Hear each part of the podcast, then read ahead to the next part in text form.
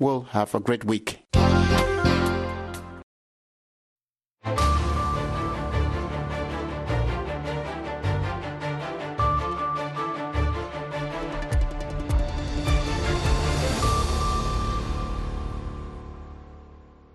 subax wanaagsan dhegeystayaal ku soo dhowaada idaacadda subaxnimo ee laanta afka soomaaliga ee v o a oda kaga imaaneysa washington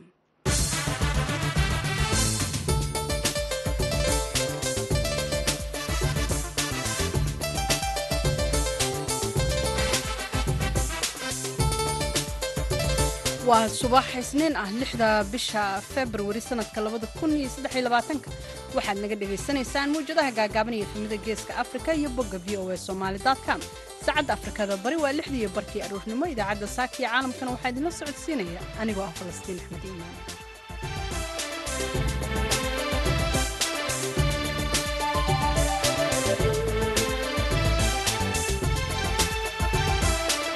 warbixinadan idaacadda saaka iyo caalamka idinkugu haynana waxaa ka mida shaqaaqo ka dhacday deegaanka ceel afweyn ee gobolka sanaag oo ay dad ku dhinteen kuwa kalena dhaawac uu ka soo gaaray. Guddidii nabadgelyada ee gobolka xubnaha ku sugan degmada ceel afweyn dhacdo ka dhacday shalay toole deegaanka qalloocan ilaa xaslayinta u dhaxaysa taasoo uu ku dhintay allaha u naxariistay marxuum abokar marxuumkaas oo geeridiisu sababtay inay xoogaa shaqaaqa ahina maanta ceelafweyn ka dhacdo. Waxaa kaloo aad maqli doontaan dowladaha ruushka iyo ciraaq oo ka wada hadlaya ganacsi ku saabsan shidaalka iyo raashinka. Sidoo kale waxaannu idiin haynaa madax hore oo ka soo taliyey dalka iiraan oo ku baaqay isbeddel siyaasadeed oo ka dhaca waddankaasi. Warbixinadaasi iyo qodobo kale ayaannu idiin haynaa iyo dabcan ciyaarihii marka horese ku soo dhowaada. Warkii caalamka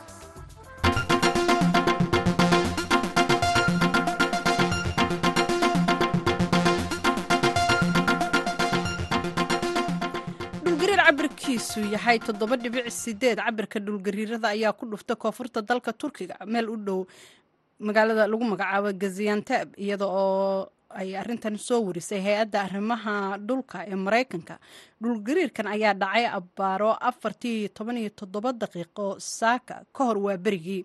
Ku dhowaad siddeed iyo toban kilomitir dhul ballaciisu yahay ayaa la sheegay inuu saameeyey dhulgariirkan dhulgariir kale oo xigay ayaa isna cabirkiisu waxa uu ahaa lix dhibic toddoba waxaana uu ka dhacay meel u dhow isla goobtii hore. Saraakiisha turkiga ayaa weli aan sheegin ama soo gudbin wax dhimasho iyo dhaawaca oo ka dhashay dhulgariirkan balse muuqaalo la soo dhigay baraha bulshada ayaa muujinaya burburka guryo iyo dhismayaal kale dhowr magaalo oo ku taalla koonfur bari dalka turkiga. Warbaahinta dowladda turkiga ee loo soo gaabiyey t r t ayaa soo gudbisay. Muuqaalo dhismayaal dhulgariirka uu burbur u geystay iyo dadweyne bannaanka taagan. Gazantef ayaa ah goob caan ku ah wax soo saarka warshadaha waxaanay xuduud la wadaagtaa syriya sidoo kalena waxaa laga dareemay dhulgariirkan dalalka libnaan syriya iyo qubrus turkiga ayaa ka mid ah meelaha ugu badan ee dunida uu ka dhaco dhulgariirada ukrain ayaa la sheegayaa axaddii shalay in ay ruushka ay bishan uu isku diyaarinayo weeraro waaweyn si ay ugu soo beegaan sanad guurada koowaad ee dagaalka ruushka uu waddankaasi ku qaaday. Bishiin aynu ku jirno februaayo afar labaatankeedii sannadkii hore. Wasiirka difaaca ukrain olexi rasnikof ayaa ka sheegay shir jaraa-id oo uu ku qabtay in ruushku uu weerarkaasi soo qaadi karo si xasuusin uun ah. Inkastoo ciidamada ruushka ayuu yidhi aanay u diyaarsanayn militari ahaan. Wax walba oo jirase waxaanu filanaynaa weerar suuragal ah oo ruushku soo qaado bishan ayuu yidhi rasnikof waxaa kaloo intaasii raaciyey intani ay tahay weerar xuseed balse ciidan ahaan ma ahan buu yidhi mid suuragal ah. Waayo agabkoodii dagaalka ma ahan kuwo diyaar ah waase ay isku dayayaan. Waxaa kaloo wasiirka difaaca ukrain uu sheegay in weerarkaasi uu ka dhici doono dhinaca bari ee dalka ukrain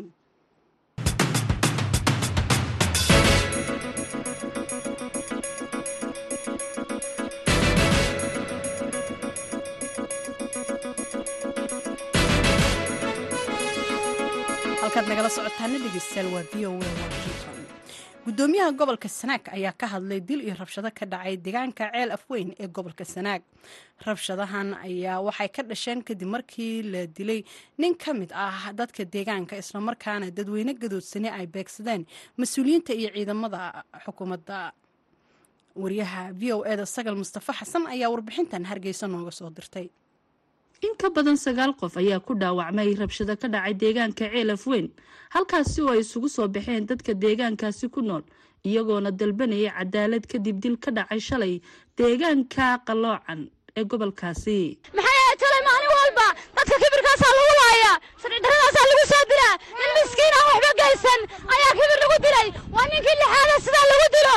Dowladda somalilan sharcidarray dadka u adeegsatay. Maalin walba dilayska dadka lagu laaya kii aanu u dhimannay ee dadka iyagu soo koobeelay baanu hoostiisa ku dulmannahay dhinaca kale guddiga nabadgelyada gobolka sanaag oo uu horkacayo guddoomiyaha gobolkaasi axmed cabdi muuse oo warbaahinta la hadlay ayaa sheegay in kiiska dilka ay u soo qabteen saddex askari. Guddidii nabadgelyada ee gobolka xubnaha ku sugan degmada ceelaf weyn dhacdo ka dhacday shalay toole.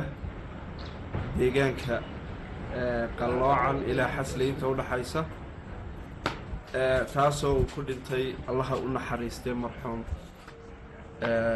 abokar marxuumkaas oo geeridiisu sababtay inay xoogaa shaqaaqa ahina maanta ceelaf weyn ka dhacdo. Ugu horreyn waxaan u tacsiyeynaynaa eheladii marxuumka marxuumkaas waxaan leenahay ilaahay ha u naxariisto ehelkiisiina samir iyo iimaan saadaqa ha ka yeelo. Kiiskaa ilaa xalay taliyaha qeybta booliiska gobolka sanaag. Wuxuu ku jiray baadhistiisii waxaa wax laga qorayey dhammaan goobjoogayaashii. Baadhistaas oo aanu saaka shantii subaxnimo ceerigaabo annana kaga soo kallahnay. Naloogu soo bandhigay sidii ay u dhacday go'aankii aanu ka qaadanayna aanu u gudbinay eheladii marxuumka dhintay allaha u naxariistee taasoo aanu ballan u qaadnay inaanu tallaabo ka qaadayno. Baadhistiina aanu u xidhnay saddex askari oo ka mida ciidan afar askari oo ka mida ciidankii meesha marayey oo ahaa intii ugu dhowaa. Insha allahu bismillaahi kariimna aanu sii maxaanku idhaahdaa wadistiisana aanu ku jirnay waayeelkiina aanu isla afgarannay inay dhacdadaas aanu si wada jira wax uga qabanno. Dhanka kale guddoomiyaha oo hadalkiisa sii wata ayaa sheegay in sideed askari ku dhaawacmeen rabshadihii ka dhacay ceelaf weyn iyo hal qof oo shiciba. Niman rabshad wadayaala oo qaska ku talagalay ay bilaabeen inay soo weeraraan qasrigii aanu deganayn qasrigaa rasaasaan xad lahayn baa lagu furay. Waxaa ka dhacday dhaawac sideed askari ah oo dhammaan xaaladooda caafimaad lagula tacaalayo isbitaal ku yaalla magaalada ceerigaabo iminka brobagandaha iyo dacaayaadka iyo maxaanku irahdaa wararka aan jirini buunbuunin weyn bay ka dhigeen. Waxaan u sheegaynaa ummadda ku nool guud ahaan jamhuuriyadda somalilan celafin annagaa ku sugan waa nabadgelya weeye. Dhacdadaa dhacday oo aanu runtii aada iyo aada uga xunnahay la murugoonayno eheladii ay ku dhacday waxaanu u caddaynaynaa inaanu baadhisteedii gacanta ku hayno. Ciddii hordhaca ahaydna ay u xidhxidhan tahay sababta ay u dhacday iyo sifada ay u dhacday iyo sida uu u dhintayna aanu insha allah bismillaahi kariim soo bandhigi doonno haddii ilaahay idmo. Ugu dambeyntii guddoomiyuhu waxa uu sheegay inay tallaabo ka qaadayaan cid kasta oo ka dambeysay qalalaasaha halkaasi ka dhacay. Mana ogolaanayno inay dhibaato dhacdo oo annagana cidna u ogolaanayn inaanu dhibaato. Maxaanku idhahdaa deegaankan aanu ku samayno lexajeclana annagaa ka qabna. Rabshadda aan wadaan iyo siyaasiyan arrimaha ay isu dhex gelinaysaan wallaahi inaan ceelafayn calan buluuga lagu arkaynin. Tallaabana waa ka qaadaynaa tallaabana waa ka qaadaynaa waa dabagelaynaa wixii waxaa waday waxaan aada iyo aada ugu mahadnaqayaa madax dhaqameedka. Sagal mustafa xasan nuur v o e hargeysa.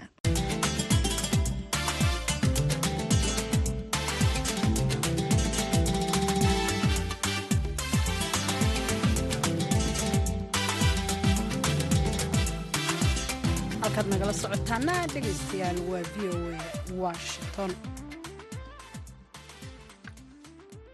markana wasiirka arrimaha dibadda ee ruushka sergey lafrof ayaa axaddii booqasho ku tegay dalka ciraaq si uu ugala hadlo mas'uuliyiinta dalkaasi. Arrimo ay ka mid yihiin dhinaca tamarta iyo ammaanka cunnada sida laga soo xigtay afhayeenka wasaaradda arrimaha dibadda ee dalka ciraaq. Ismaaciil xuseen farjar ayaa noo haya warbixintan oo ay qortay wakaalada wararka e f b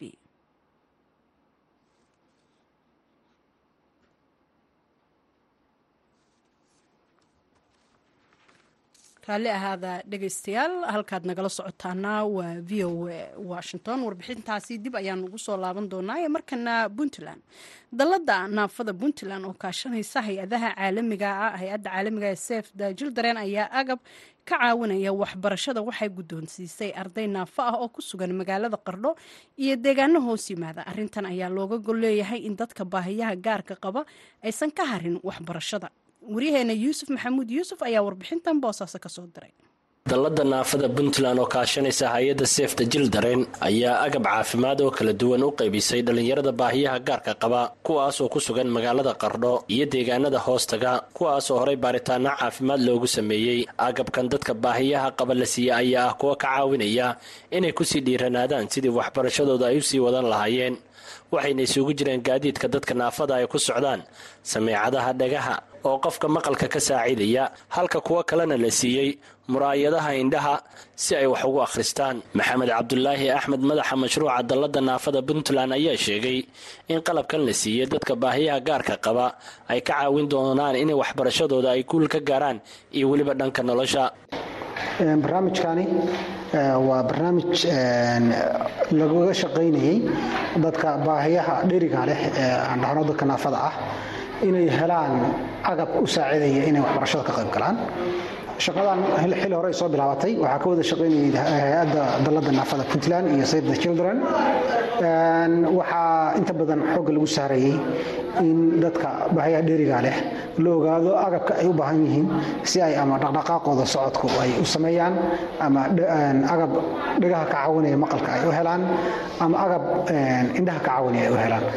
Arrinta intaas le barnaamijkani daranaa waxaa markii la sameeyey baaritaanadii soo baxday howlo kala duwan oo la xiriira dad dhakhaatiirtu inay soo saareen qofka u baahan kursiga ama gaargacanka lagu socdo ama wiljeerka ookiyaalayaal ama sameecadaha dhexe. Ilaa dad boqol iyo soddon iyo dheeraad qof ah baa hadda markii dambe dhakhaatiirtu ku taliyeen agab kala duwan inay qaataan. Oo ay ku jiraan labaataneeyo qof oo loo sameynayay nadiifin iyo daaweyn dhagaha ah. Sidoo kale ay ku jiraan afar iyo toban qof oo la siinayay sameecadaha dhagaha iyo sidoo kale boqol iyo lix iyo toban qof oo iyaguna okuyaalayaal loo soo qoray labadii maalmood ee hadda maanta iyo shalay ahaa waxaa laga shaqaynayay dadka qaybinta qalabkii kala duwanaa ee dadka. Dadkaasi waxay kala joogaan qardho sidoo kale dalweyn iyo juurile waana iskuullada uu taageero mashruuca tovi iyo nuuradka labadaba dhinaca kale bashiir maxamed gaaleri oo ah gudoomiyaha waxbarashada magaalada qardho isagana waxa uu sheegay in dhammaan qaybo ka mid ah dhallinyaradan baahiyaha gaarka qaba ay horay u mareen baaritaano caafimaad si loo ogaado baahiyaha ay qabaan. Normalka ah iyo ardada disabilityga yani ardada uu ay maqalka xoogaa culayska uu ka haysto ardada aragga ay ka haysato dhibaatadu ardadaas ayaa waxaa loo sameeyey barnaamij oo screenin ah ardadaas ayaa waxaa la mariyey dhakhaatiir loo keenay indhaha iyo dhegaha waxaa ardada loo sameeyey ardada qaybteed arday afar boqol oo arday ah ayaa waxaa la mariyey marka. Screeninka la mariyey ama baaritaanka la mariyey. Dhallinyaradii ka faa'iidaystay mashruuca qaybinta agabka dadka baahiyaha qaba ayaa ka mahad celiyey. Waxayna sheegeen in qalabkan ay ka saacidayaan in waxbarashadooda ay sii wataan. Horena baahiyo kala duwan ay ugu qabeen. Boqolkiiba boqol aad baan ugu mahad celinaynaa waana wax loo baahnay agabka kala duwan sida dadka curyaanada iyo dadka ookiyaalaha cabirkae intaba maartay waa waa arrin loo baahnay waana soo dhawaynaynaa alxamdulilah kii sameecad u baahnaa kii u baahnaa maaragtay wiljar u baahnaa kii u baahnaa kii aragga macnaha indhaha ka cabanaya intiba way ka heleen agabkoodii. Aad baana maaragtay ugu mahad celinaya yuusuf maxamed v o e boosaaso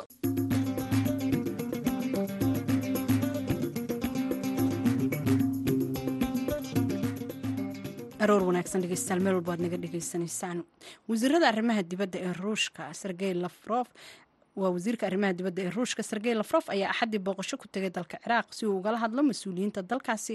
Arrimo ay ka mid yihiin dhinaca tamarta iyo ammaanka cunnada oo sida laga soo xigtay afhayeenka wasaaradda arrimaha dibadda ee dalka ciraaq ismaaciil xuseen farjar ayaa noo haya. Warbixintan oo ay qortay wakaalada wararka ee f b wasiirka arrimaha dibadda ee dalka ruushka sergey lafrof ayaa axaddii booqasho ku tegey dalka ciraaq si uu ugala hadlo mas'uuliyiinta dalkaas arrimo ay ka mid yihiin dhinaca tamarta iyo ammaanka cuntada sida laga soo xigtay afhayeenka wasaaradda arrimaha dibadda ee dalka ciraaq. Wafdiga wasiirka arrimaha dibadda ee ruushka ayaa ka degay caasimadda baqdaad isaga oo ay wehelinayaan wafdi ballaadhan oo ay ku jiraan shirkadaha shidaalka iyo gaasta ee ruushka iyo maalgashadayaal kala duwan sida uu sheegay axmed al saxaaf oo la hadlay wakaaladda wararka ee a f b. Wasiirka arrimaha dibadda ee ruushka lafrof ayaa la filayaa in uu isniinta maanta ah la kulmo dhiggiisa dalka ciraaq fu'aad xuseen sida ay baahisay wakaaladda wararka ee ina oo soo xigatay saxaaf afhayeenka wasaaradda arrimaha dibadda ee dalka ciraaq sidoo kalena wuxuu kulamo la qaadan doonaa ra'iisul wasaare maxamed shiya al suudani madaxweynaha dalka ciraaq cabdulatiif rashiid iyo afhayeenka baarlamaanka ee dalkaas maxamed al xalbuusi wakaaladda wararka ee ina ayaa ka soo xigatay afhayeenka wasaaradda arrimaha dibadda ee dalka ciraaq isaga oo leh in booqashada lafrof inay xaqiijinayso sida dalka ciraaq uu ugu furfuran yahay dhammaan saaxiibadiisa. Waxa uu hoosta ka xariiqay afhayeenka wasaaradda arrimaha dibadda ee dalka ciraaq muhiimadda ay leedahay in dalkiisa ciraaq uu soo jiito maalgashadayaasha kala duwan gaar ahaan dhinaca tamarta afhayeenka wasaaradda arrimaha dibadda ee dalka ciraaq ayaa mar sii horreysay u sheegay wakaaladda wararka ee a f b in lafrof wasiirka arrimaha dibadda ee ruushka iyo dhiggiisa arrimaha dibadda ee dalka ciraaq in ay ka wada hadli doonaan isbedelada la xidhiidha dhinaca amniga iyo xasiloonnida gobolkaas. Iyo aragtida dalka ciraaq ee ku aadan waa sida uu hadalka u dhigaye howlgallada militari ee ukrain waxa uu sheegay in baqdaad ay door bidayso in la joojiyo colaadda islamarkaana in la hirgeliyo wadahadal kasta oo suurto gelinaya in colaaddaas la soo afjaro. Hadalkiisa ayaa ku soo beegmay iyada oo uu sare u kac ku yimi qiimaha cuntada iyo tamarta ee suuqyada caalamiga ah. Tan iyo markii uu ruushku weerarka ku qaaday dalka ukrain sannadkii hore ee laba kun iyo labiyo labaatan ciraaq oo saaxiib dhowla ah dalka iiraan ayaa sidoo kale xidhiidh istaraataji ah la leh maraykanka oo ay weli dalkaas ka joogaan ciidamo badan oo qayb ka ah isbahaysiga caalamiga ah ee dagaalka kula jira kooxda daacish ismaaciil xuseen farjar ayaa nala socodsiinaya warbixintaasi ay qortay wakaaladda wararka e f b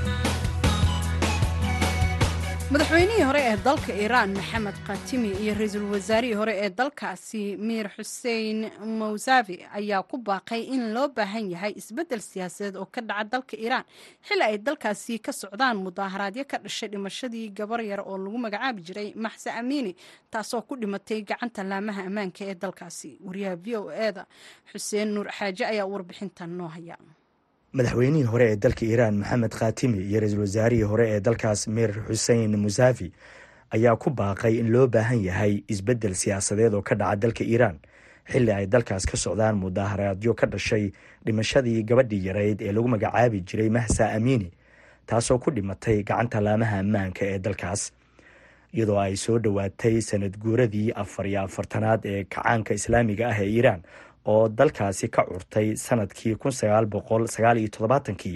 ayaa mir xuseen musafi oo ka mid ah mucaaradka ugu waaweyn ee dalkaasi ka jira ayaa ku dhiiraday inuu ku baaqo isbeddel asaasiya oo lagu sameeyo nidaamka siyaasadeed ee dalkaas isagoo sheegay inuu wajahayo qalalaaso sharci.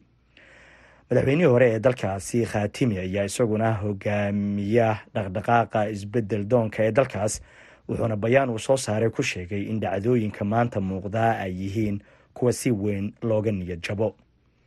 Khaatimi ayaa sheegay inuu rajaynayo in adeegsiga hababka madaniga ah ee aan rabshadaha wadan inay ku qasbi karaan nidaamka dalkaasi ka arrimiya inuu bedelo habka uu wax u xukumo islamarkaana uu dib habeyn la yimaado. Musafi oo haatan ay da-diisu tahay siddeetan jir ayaa soo jeediyey in la qabto afti xor ah oo madax bannaan oo ku saabsan baahida loo qabo isbeddel ama in la sameeyo dastuur cusub isagoo nidaamka haatan jira ku tilmaamay mid aan sii jiri karayn. Sanadkii labada kun iyo sagaalkii musafi ayaa u tartamay xilka madaxweynaha hase ahaatee wuu guuldaraystay taasoo keentay in madaxweynihii xilligaasi maxamuud ahmedi najaadi inuu ku eedeeyo musuq maasuq baahsan. Tallaabadaas ayaa keentay mudaaharaado ballaaran musaafi ayaa xabsi guri la geliyey iyadoo aanan wax dacwada lagu soo oogin wuxuuna xabsi gurigaasi ku jiray muddo laba iyo toban sannadooda waxaana uu helisay xaaskiisa zahra rahnafard khaatimi oo isagu da-diisu tahay sagaal iyo toddobaatan jir ayaa madaxweyne ka soo noqday dalkaasi. Intii u dhexeysay sannadihii kun sagaal boqol toddoba iyo sagaashankii ilaa labada kun iyo shantii ka hor inta aanan lagu qasbin inuu yareeyo la hadalkiisa warbaahinta xuseen nuur xaaje ayaa warbixintaasi inoo soo jeedinaya. Halkaad kala socotaana waa v o a washington. Markana ciyaarihii iyo nuur xasan nuur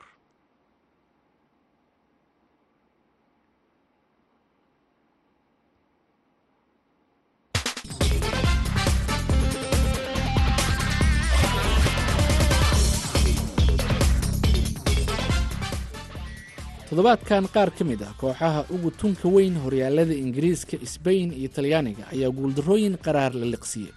Haddii aan ku bilowno hogaamiyaasha horyaalka ingiriiska ee arsenal sabtidii ayaa waxaa hal iyo eber ku martay everton.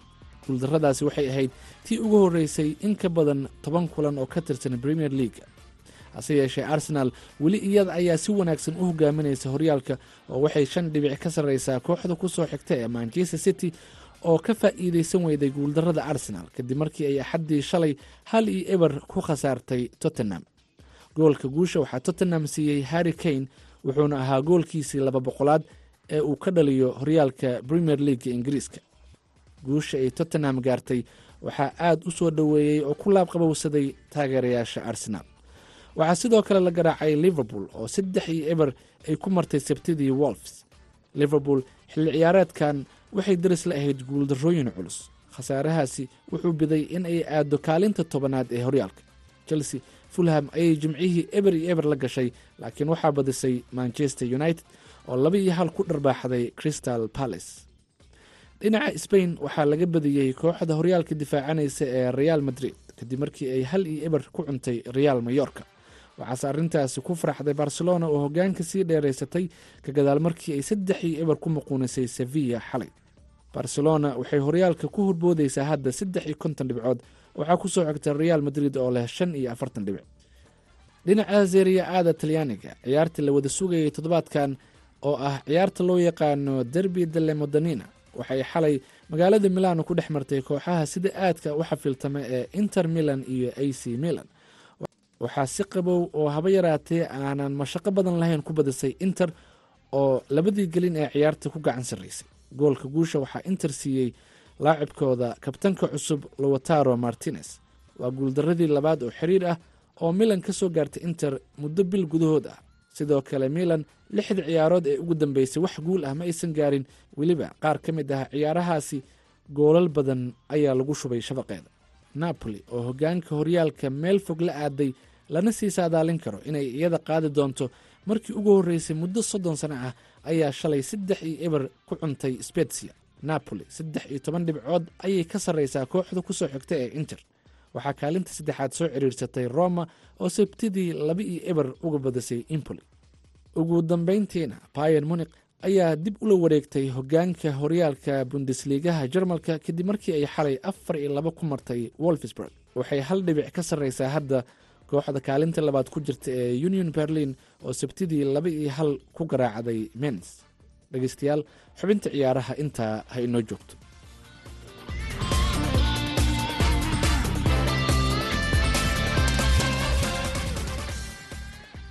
Mahadsanid nuur xasan nuur iyo ciyaarihaanu intaasi ku dhaafna gabagabadii idaacaddaanu ku sii dhowaaneynaa dhinacii heesaha maxamuud xaaji cali gaawarow heestii cudbi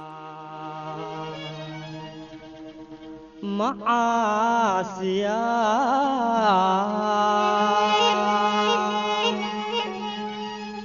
cid laha idhigi macawaansada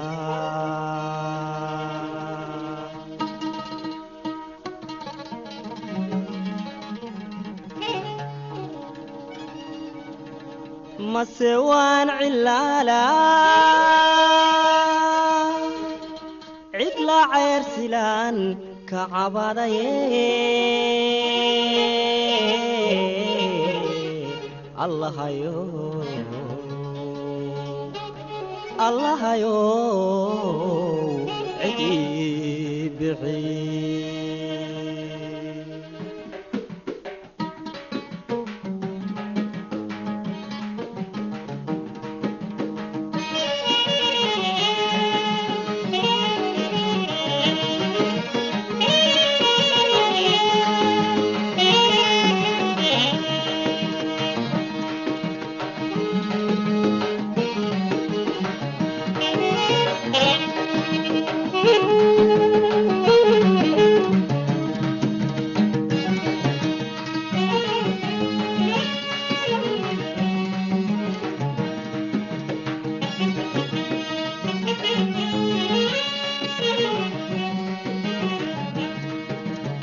martigaadaan coodayn caawa cawaadan soorayn calaf waa halkiise waa la sii caraabsha.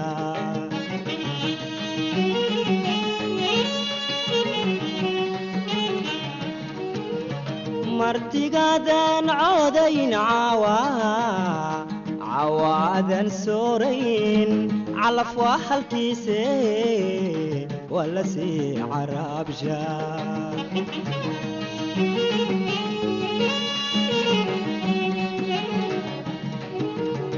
imisaan cudooni cawdka iyo fooraha imisaan cudooni cawdka iyo fooraha sida ruux curyaana u cuskugay daraada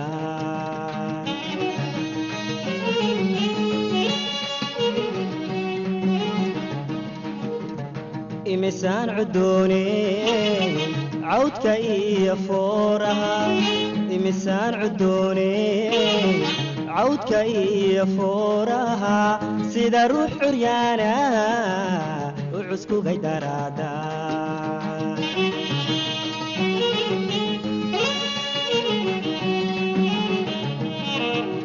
Inkastood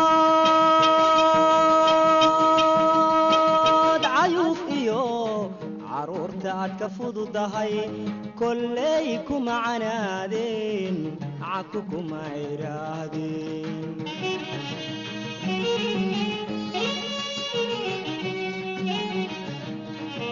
waa curaade kori caanbixyartaan cudbitaan lahaa sow caris ma marin. Waa curaade kori caanbixyartaan cudbitaan lahaa sow caris ma marin maxaan kaa cadgoostaa ama kuu cagaaga maxaan kaa cadgoostaa ama kuu cagaaga cudbiyey abbaayoy abbaayoy maxaan kaa gacaaga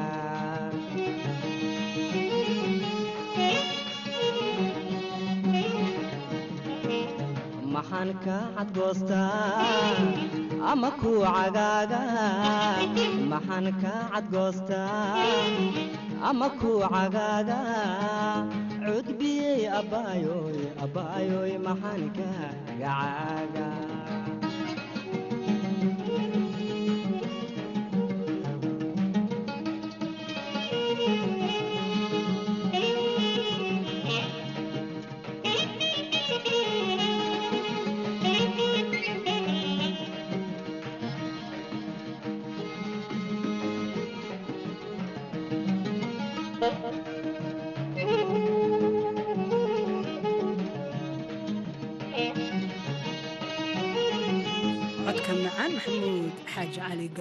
waxay gabagabo ahayd idaacaddeenii aroornimo intaan mar kale hawada ku kulmi doono saacadda xaggiina markay tahay kowda iyo barka duhurnimo.